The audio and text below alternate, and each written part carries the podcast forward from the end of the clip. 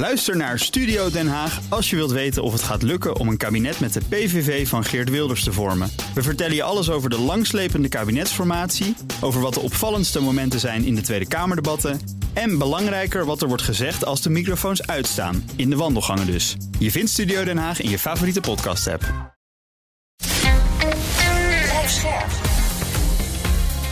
BNR Nieuwsradio. De AEX-factor. Wesley Weerts, Jelle Maasbach. Je hoort het goed, de AX-factor. We zijn er weer, de podcast voor de slimme belegger. Elke week een nieuwe gast die je bijpraat over beurzen, beleggen en vermogen opbouwen. En deze week is de gast Stan Westerter van Bond Capital Partners. Goed dat je er bent. Iemand op wie we altijd kunnen bouwen en over bouwen gesproken. Bouwbedrijven die komen om in het werk vanwege de woon- en klimaatcrisis. Het ordeboek is goed gevuld hè. En bouwers zijn ook de komende jaren haast verzekerd van voldoende werk. Want we moeten bouwen, bouwen, bouwen. Maar waar de ene crisis de bouw een steuntje in de rug geeft, zorgt de andere crisis voor keiharde tegenwind. Stikstof en stijgende rente, maar ook tekorten aan personeel, materiaal en bouwlocaties dreigen roet in het eten te gooien. En deze week kregen beleggers nog een forse tegenvaller voor de kiezen. Het OM en de FIOD hebben afgelopen vrijdag een inval gedaan bij bouwbedrijf BAM. Ze doen onderzoek naar mogelijke onregelmatigheden bij een aantal net opgeleverde projecten. Een woordvoerster van FIOD laat weten dat er een strafrechtelijk onderzoek loopt. BAM heeft laten weten volledig te zullen meewerken aan het onderzoek. Beleggers die eh, schrokken zich rot. Het aandeel ging maar liefst 15% onderuit. Er is heel veel onduidelijkheid en daarom eist de VEB opheldering. Laat het dan BNR Nieuwsradio weten. Je hoort David Tomic. BAM geeft in haar eigen persbericht eigenlijk geen enkele achtergrond of waarom het bedrijf op de radar kan zijn gekomen van, uh, van de opsporingsdiensten. Maar uh, wat je kan stellen is dat BAM International, dat is het onderdeel van BAM waar het onderzoek zich nu uh, naar lijkt te concentreren, op te concentreren, was uh, in, in, in bijna alle uithoeken van de wereld wel, wel actief. In, in Dubai, Abu Dhabi, Afrika, Antarctica. En dat zijn in de regel wat, wat hogere risicogebieden. Waar men wat anders aankijkt tegen zaken doen, waardoor je ook het risico daar wellicht iets hoger is dat er uh, sprake is van mogelijke omkoping, steekpenningen. Stan een hoop onzekerheid dus. De consequenties van zo'n onderzoek weten we vaak ook pas jaren later. Is dat alleen al een reden voor jou om BAM voorlopig links te laten liggen als belegging? Dit alleen. Ja, ja kijk, onzekerheid, uh, of het nou gaat over bouwsector of BAM specifiek, uh, of welk aandeel dan ook, is nooit goed voor de koers van een aandeel. Dat weten we natuurlijk. En dit is ja, ultieme onzekerheid. Er is een uh, inval van de Fiat. Je weet niet precies wat er aan de hand is. Het, het cruwe is natuurlijk ook nog eens dat het bij een eigenlijk gaat om een afdeling die anderhalf jaar geleden gesloten is. Ja, ze dachten er vanaf te zijn. Ja, ze, we, we dachten als beleggers, zeg maar, nou, BAM International is geen, uh, geen onvertogen succes uh, geweest. Uh, boek sluiten, hoofdstuk dicht en uh, ja, we gaan verder. En uh, ja, prompt anderhalf jaar later staat de Fiat op de stoep. Ja, en die komen meestal niet zomaar binnen. Hè. Dat is altijd het, het verhaal. Nee, ik heb ja. ze nooit over de, voor de deur zien staan bij nee, mijzelf. Nou ja, en, en, en, ja, en dan ga je dus natuurlijk inderdaad gissen. Hè. De man van de VEB gaf het al aan. BAM International is in veel regio's en, en landen actief geweest. Ook wel regio's en landen waarvan we weten dat ze af en toe ja, wat op een andere manier zaken doen, om het zo maar te zeggen. Ja, als daar onregelmatigheden zijn geweest. Ja, dan, dan kan dat een heel pijnlijk en lang proces worden. Dat hebben we natuurlijk met meerdere uh, ondernemingen in, uh, in Nederland wel eens gezien. SBM Offshore bijvoorbeeld, ik noem maar iets. Mm. Uh, dat, er, dat er zaken worden gedaan ja. met regimes of met landen of met personen die, ja, die nogmaals een andere werk of een andere ethiek hebben als het gaat om, om zaken doen. Ja, nou knalt die koers onderuit. Um, waar zit precies de angst van beleggers? Ook misschien dat er ja, meer konijnen uit de hoge hoed komen de komende periode? Nou, ik denk Um, nogmaals, kijk, dit is onzekerheid. En als je kijkt naar wat er in het verleden bij andere bedrijven is gebeurd, he, uh, gebeurd dan kan het natuurlijk zijn dat er een, uh, dat er, uh, een claim uit gaat komen, of dat er een, een, een, boete gaat volgen, of dat ze ja, weer ergens toch een, een, voorziening moeten gaan nemen.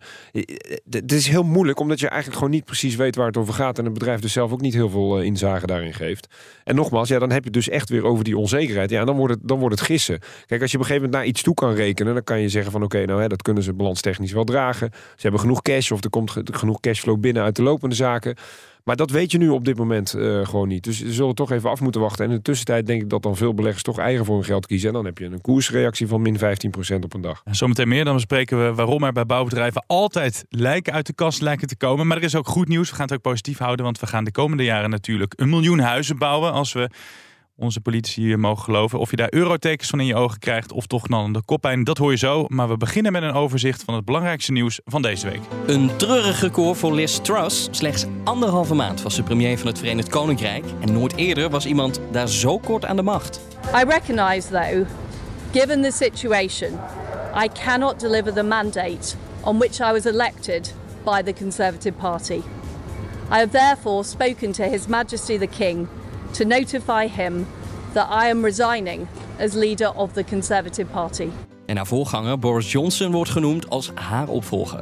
Jitse Groen, de baas van Just Eat Takeaway, is blij. Eindelijk maakt zijn bedrijf winst. Maar analist Jim Theo Poering gaat totaal niet mee in die jubelstemming.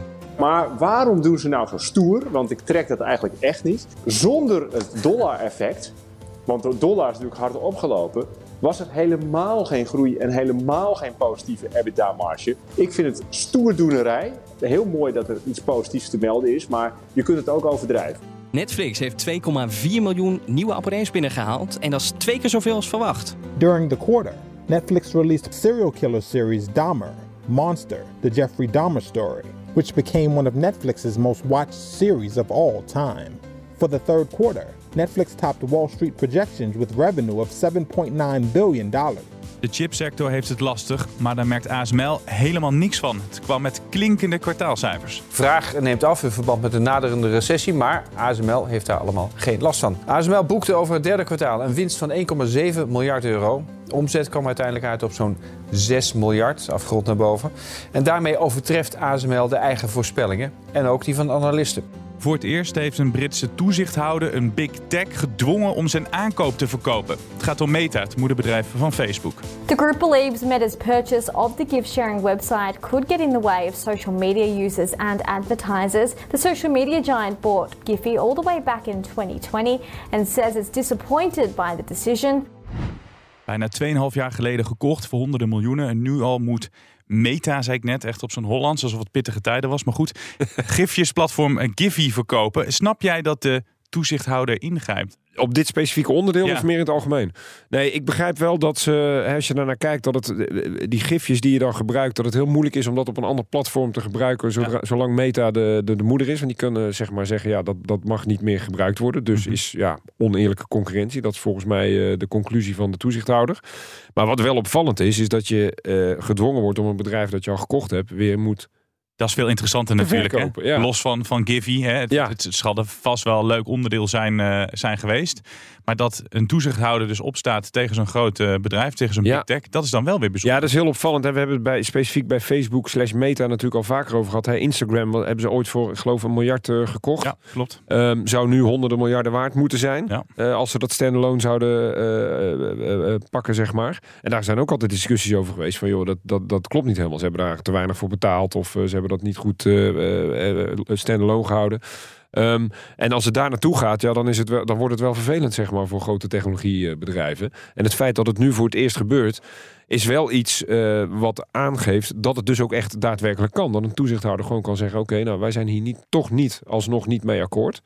Dus eh, ja, eh, ga maar een oplossing zoeken. En eh, het bedrijf moet, moet eruit weer. Dit gebeurt er dus in het Verenigd Koninkrijk. Daar gebeurt van alles, maar nu dus ook wel een toezichthouder die in het nieuws komt, die hè, stevig ingrijpt. Denk je dat ook zoiets zou kunnen gebeuren in de Verenigde Staten? Daar hebben we het in de AX-factor al vaker over gehad. Hè? Ja. Het, toen nog Facebook lag toen onder vuur. Wat jij zei, Instagram zou toen mogelijk afgestoten moeten worden. Toen zeiden we allemaal, dat gaat nooit gebeuren. Maar dat ze nog een keer ingrijpen en dan bijvoorbeeld dus in de Verenigde Staten, zie jij dat gebeuren? de- op dit moment is het een beetje rustig daaromtrent Ja, eh, natuurlijk. hè. Het is veel meer eh, geopolitiek wat je nu hebt. En ervoor zorgen dat de Chinezen zeg maar geen chips krijgen. eh, dan dat ze intern gericht zijn en hun grote technologiebedrijven willen aanpakken. Ja. Dus ik, ik en, en we hadden laatst natuurlijk ook geloof ik, de, de boete van Alphabet. Die, die, die fors minder werd in Europa alsnog. Ja. Dus het is juist eigenlijk een beetje wat, een, een, wat rustig op, op dit gebied in, in big tech land, om het zo maar te zeggen. Maar dat neemt niet weg dat als ze doorgroeien zoals ze groeien.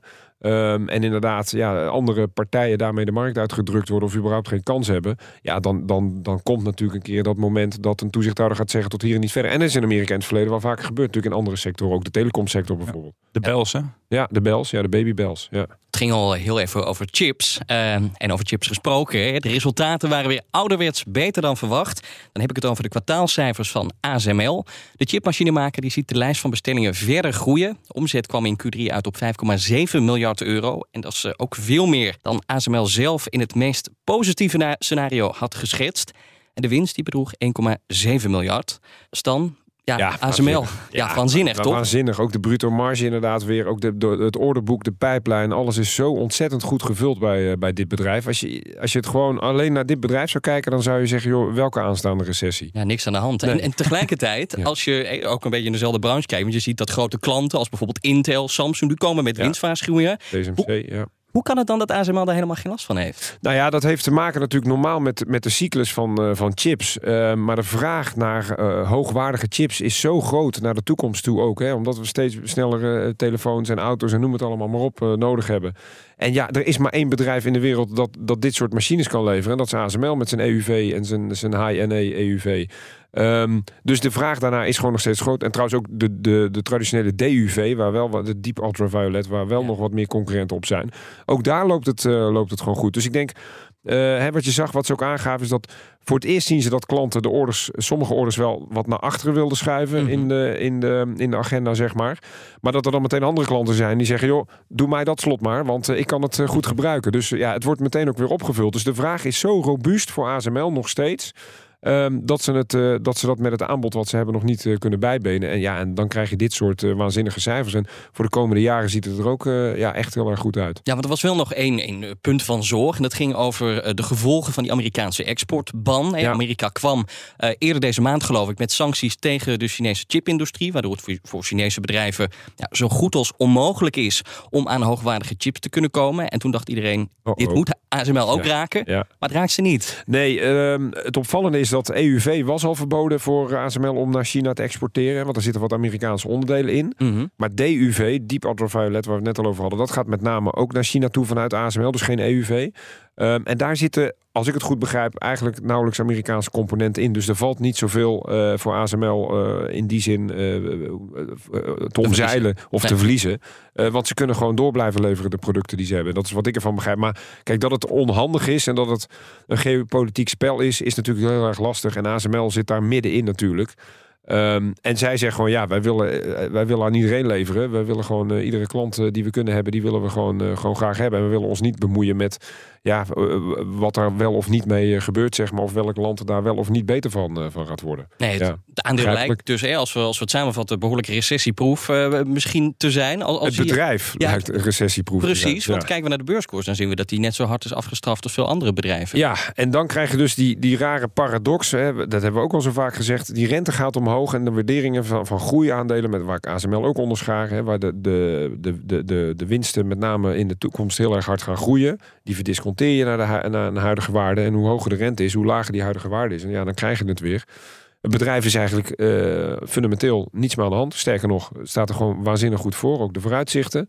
Alleen de beurskoers is, wat is het, 50% eraf gaan van het hoogste punt? Uh, ja, en het is als je het vergelijkt met begin dit jaar, is het een derde minder water geworden. Ja, precies. Nou ja, goed. Dus ja, dat zijn enorme uitslagen. En dat heeft echt helemaal niets te maken met, uh, met het sterke fundament van ASML, maar alles te maken met, ja, met de marktomstandigheden. En met name de rentes die zo zijn opgelopen. Maar ja, des te interessanter is het nu misschien om dat aandeel in te slaan. Zeker. Alleen dan moet je dus ook weer een visie hebben over wat jij denkt. Uh, het ligt een beetje aan hoe lang je erin wil zitten. Kijk, als jij zegt, ik, ik, ik wil er tien jaar in zitten, ja, dan kan je het nu bij wijze van spreken blind kopen. Als je zegt, ja, ik wil een gokje wagen voor de komende drie tot zes maanden, moet je wel heel goed nadenken over wat de rente waarschijnlijk gaat doen. Want als die verder doorstijgt, dan is de kans dat ASML en dit soort groeibedrijven of aandelen onder druk blijven liggen, is nog steeds aanwezig. Uh, maar lange termijn heb je absoluut gelijk. Fundamenteel, ja, prachtig bedrijf. De wereld heeft het gewoon nodig.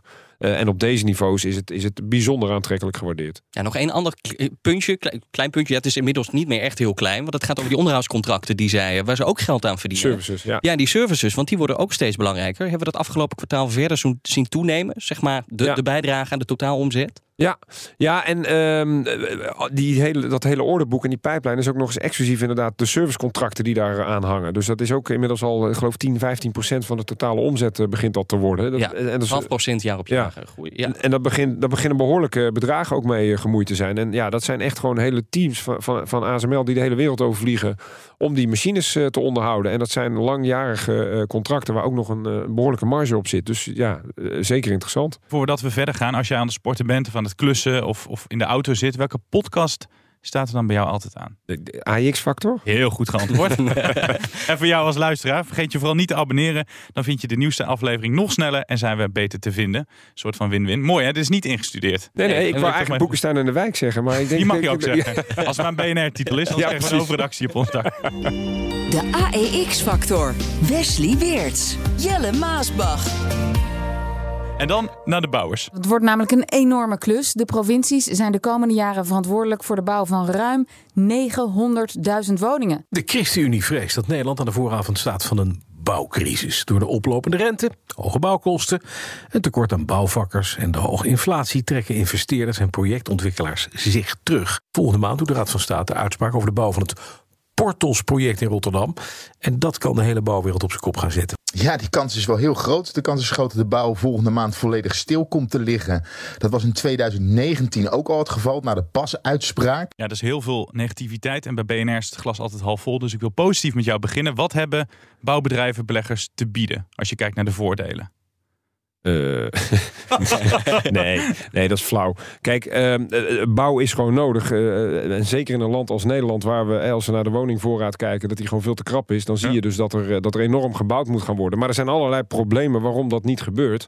Ehm, maar de, de, de bouwbedrijven zijn er wel eh, en die zouden daarvoor klaar kunnen staan. Eh, en die zijn natuurlijk prima geëquipeerd om daarvan eh, van, van te profiteren. Dus ja, dat, dat, dat zie ik ook wel. Want het is dat huizen die gebouwd moeten worden. Het is natuurlijk ook Infrastructuur, infrastructuur. precies, ja. Onderhoud wat gepleegd moet worden. Ja, Los van of die mensen er zijn. Maar er is bijna geen sector te vinden waar zoveel werk in is als, als in die bouwsector, toch? Eh, voor de komende jaren bedoel je? Nou, even los van de chips waar we het net over hadden. Maar eh, nee, dat klopt inderdaad. En dat- dus personeelstekort is ook al, eh, ook alweer een probleem op dit moment. Maar deze sector is per definitie natuurlijk heel laat cyclisch. En als je verwacht dat er een recessie aankomt, wat we nu toch wel inmiddels eh, behoorlijk eh, ja, ingeprijsd hebben, om het zo maar te zeggen. Ja, dan weet je ook dat bij die bouwbedrijven ergens eh, ja, dezelfde tijd volgend jaar eh, dat, dat het er allemaal wat minder rooskleurig uit gaat zien als veel van de projecten zeg maar eh, afgelopen zijn. Tegelijkertijd, ehm, als de politiek een keer samen zou komen en in hun, al hun wijsheid inderdaad een, een eenduidig en krachtig besluit zouden kunnen nemen en gaan zeggen: oké, we gaan die miljoen huizen inderdaad neerzetten de komende tien jaar. En doorbouwen in crisistijd. Precies, en doorbouwen in crisistijd. En wij, wij dekken de, de, de wij, wij pakken de risico's, zeg maar. Ja, dan zou het zomaar eens eh, de komende periode een hele mooie, ehm, eh, ja, eh, winstgevende, eindelijk winstgevende periode voor de bouwers kunnen worden. Nou, want dan zeg je wat. Want als we kijken naar BAM, naar Heijmans, naar Fokker Wessels. Dat was altijd Ja. schrapen qua marges. Dat Ja. was altijd, er was mij iets van een tegenvallen. Bij wijze van spreken een gevel niet goed geplaatst. Of een deur niet goed geplaatst. En dan ging je hele marge ging, ging eraan. Nu zou je kunnen zeggen, ze kunnen vragen wat ze willen. Eindelijk tijd voor, zoals jij net zei, voor winstgevendheid. Ja, ja, dat is correct. Hè. Precies die marge waar je het over hebt, die was voor de financiële crisis was dat altijd 5, 6 procent. Zeker bij BAM en, en Heijmans en zo. Ehm, en nu, nou, als ze een procent halen eh, in een jaar, dan, dan mag je zeg maar blij zijn. En inderdaad, je, hoeft maar een tegenvallen te hebben. Het is een beetje analoog aan de luchtvaart. En hop, dan gaat je winstgevendheid weer. hè. Het zijn natuurlijk hoge volumes, lage marges. Ja, dan heb je altijd eh, dat risico zeg maar in zitten dat het moeilijk is om, om klappen op te vangen. En vandaag, ja, je, je zou inderdaad kunnen zeggen, ehm, er moet een hele winstgevende periode aankomen. Maar ja, we hebben wel met een, eh, ja, ook hier met een, wat we zeggen, laatcyclische eh activiteiten te maken. Dat betekent dus ook dat je problemen kunt krijgen in je personeelsbestand, in je, eh, je kosten, in je grondstoffen, eh, inkoop, in je eh, vergunningen, politiek. Er zijn zoveel verschillende krachten en factoren aanwezig die roet in het eten kunnen gooien. Dat ik de bouwsector, laat ik het zo zeggen, nog niet een sector vind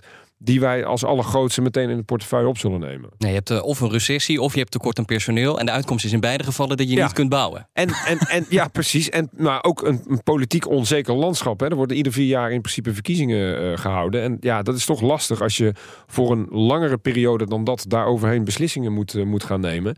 En de een wil linksaf en de ander wil rechtsaf. Ja, en ondertussen ja, ge- gebeurt er niets. Dus ik ben eigenlijk, dat heeft niet zoveel met de bedrijven te maken, maar de sector aan zich, nogmaals, ik maakte net al parallel met luchtvaart, vind ik gewoon heel erg lastig. Want je hebt altijd hoge volumes, lage marges en er hoeft maar iets te gebeuren. Of die marges die gaan weer eh, down the drain. En ja, er blijft er gewoon geen, geen winst onder aan de streep. Waarom zijn die marges zo laag?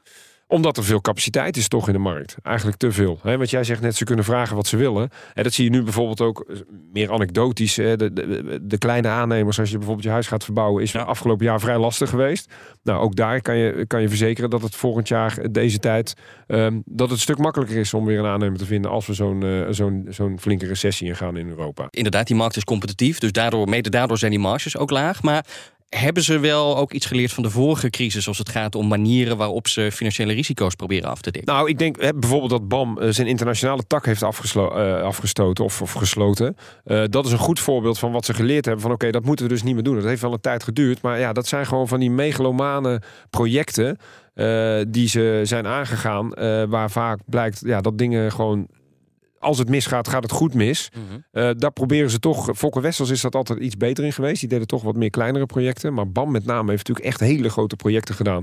En als het dan misgaat, ja, dan is zo'n zeesluis. Ik noem maar even. Daar is Volker Wessels eh, toen wel bij betrokken geweest. Maar ze precies. zijn eruit gestapt. Ze gaan nooit meer een project boven uit mijn hoofd de 100 miljoen Ja, precies. Dus, eh, en, en, en daar hebben ze van geleerd, de bouwers, dat ze inderdaad die echte grote projecten, waar je echt grote risico's hebt, ook onderaan de streep, dat ze daar wat minder snel op in zullen zetten. Tenzij, denk ik, eh, het risico gemitigeerd wordt naar bijvoorbeeld de opdrachtgever, eh, lees misschien de overheid. Ja, want dat is vaak nu nog niet, eh, nog niet zo. Ja, daar, daar verandert wel iets in die, in die contracten. En net voordat we de studio inliepen, zag ik toevallig nog een column van Corné van Zel. Wel een oude column. En toen zei hij, veel bouwers hebben last van het eh, Bob de Bouwer syndroom. Want hij zegt, als iemand roept, kunnen we het maken? Dan zegt iedereen, nou en of. Eh, is, is dat, heeft hij daar een punt? Ja, je bedoelt eigenlijk dat ze te enthousiast zijn. Ze zijn te Eh, enthousiast eh, en eh, risico's eh, niet goed afdekken. Nee, precies. Nou, dat, is altijd, dat- is altijd de discussie geweest bij bouwers. Dat ze, eh, natuurlijk, we kunnen van alles maken. Maar kunnen we het ook winstgevend maken? Want uiteindelijk zijn het natuurlijk gewoon commerciële bedrijven. En eh, vaak beursgenoteerd. Dus eh, als aandeelhouder wil je daar ook wel gewoon een, een graantje van meepikken, zeg maar. En eh, zeker in de, ik denk, die naïviteit waar eh, Corné dan op doelt. Die heb je in het verleden wel vaak gezien, ja. En dat betekent dus ook, kijk maar eens naar de koers van een BAM bijvoorbeeld over de afgelopen eh, 10, 15 jaar. Nou, dat, ja, er is heel veel volatiliteit geweest.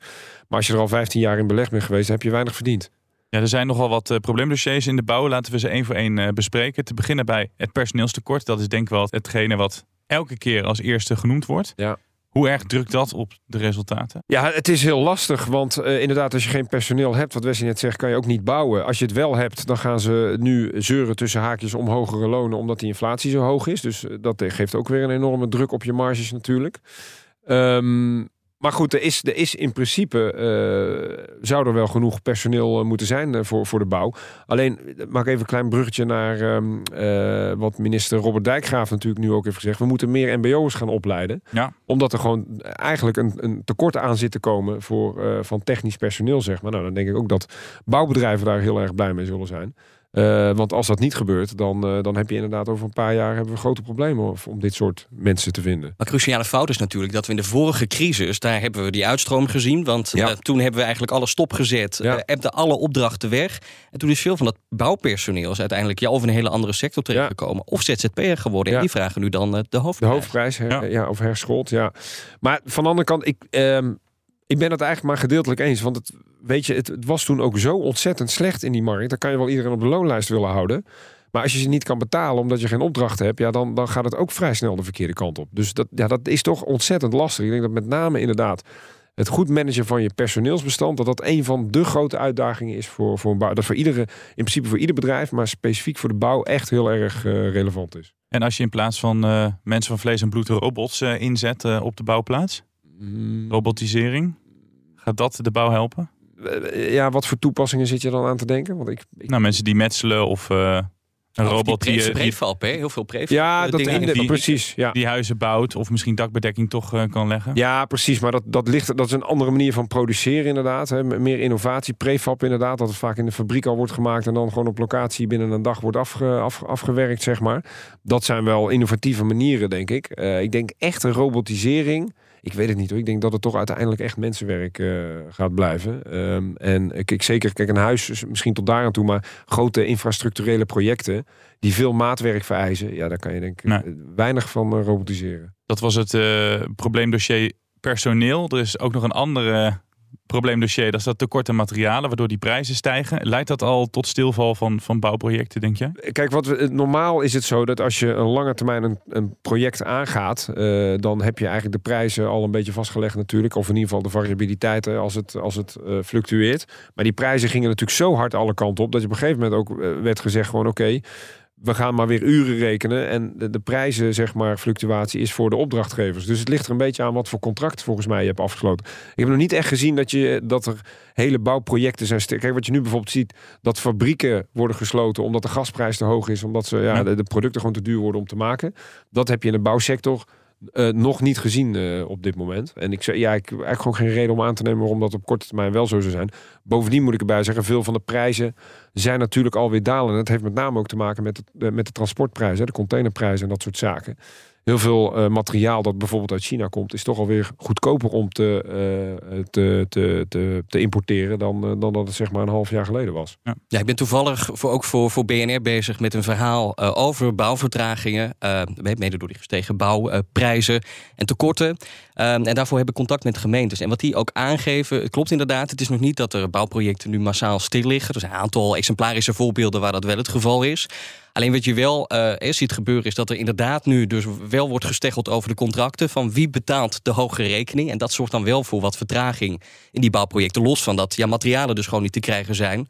Waardoor je daar ja, ook echt een stuk langer soms op moet wachten. Waardoor die projecten dus wel later worden opgeleverd. Ja, ja en, en wat ik zelf wel opvallend vind, even een, een klein bruggetje bijvoorbeeld naar energietransitie, is we, ehm, hè, we moeten natuurlijk ook heel veel investeren in renewables. Dat is de laatste jaren projectmatig is dat wat minder geweest. Of, of, eh, zeg maar ehm, onder het niveau wat het zou moeten zijn om in 2030 hè, onze doelstellingen te halen. Maar nu die eh, gasprijzen zo hoog zijn.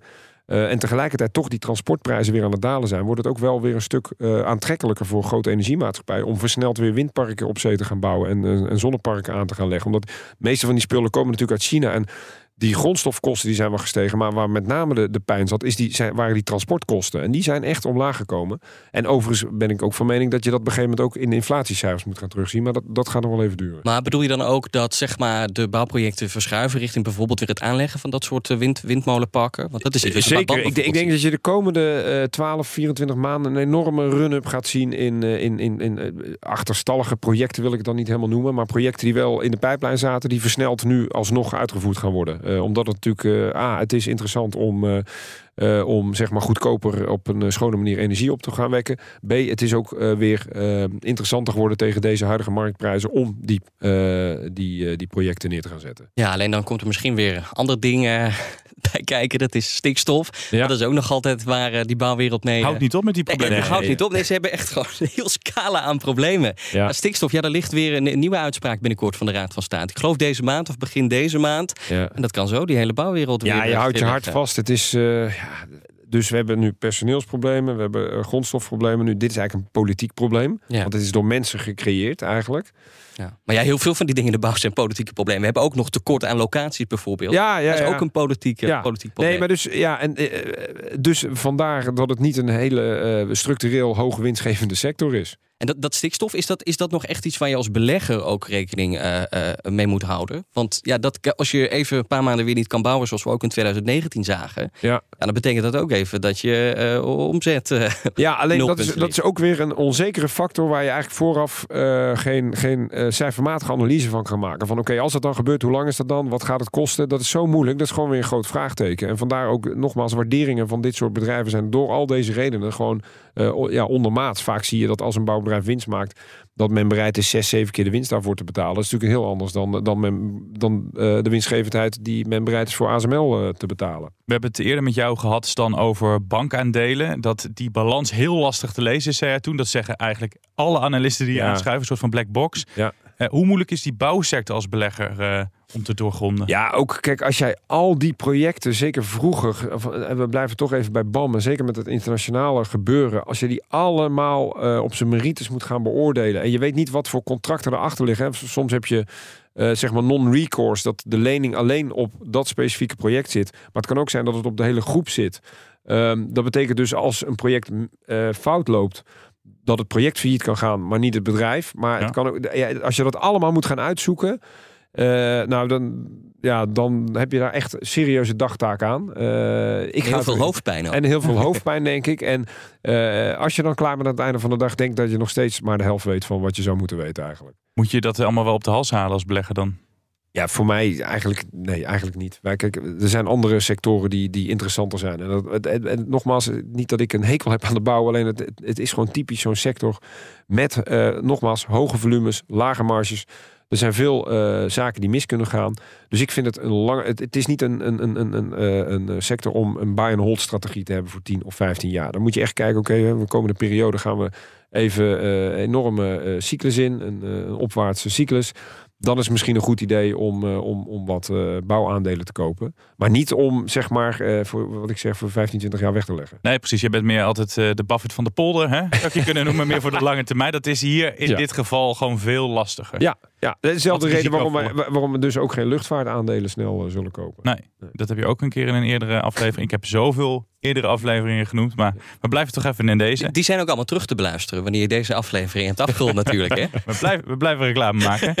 Eh, die financiële crisis die kwam al eerder aan bod. Eh, mijn vader die, eh, die is net bij pensioen, maar die zat toen in de bouwsector. En die vond het heel erg dat die, eh, zat daar in de directie van een eh, dakdekkersbedrijf. En die moest op een gegeven moment mensen moest die ontslaan. Die zei die mensen hebben we echt nodig. Ja. Dus toen eh er nu gesproken werd van er komt weer een crisis aan. Toen zei hij, nou, ik hoop dat ze dat personeel gaan vasthouden. Is het een sector die leert van eerder gemaakte fouten? Dat denk ik wel. Eh, sowieso. Ik, eh, meer in het algemeen, sowieso als je kijkt hoe bedrijven er nu voor staan versus de financiële crisis, zeg maar 15 jaar geleden.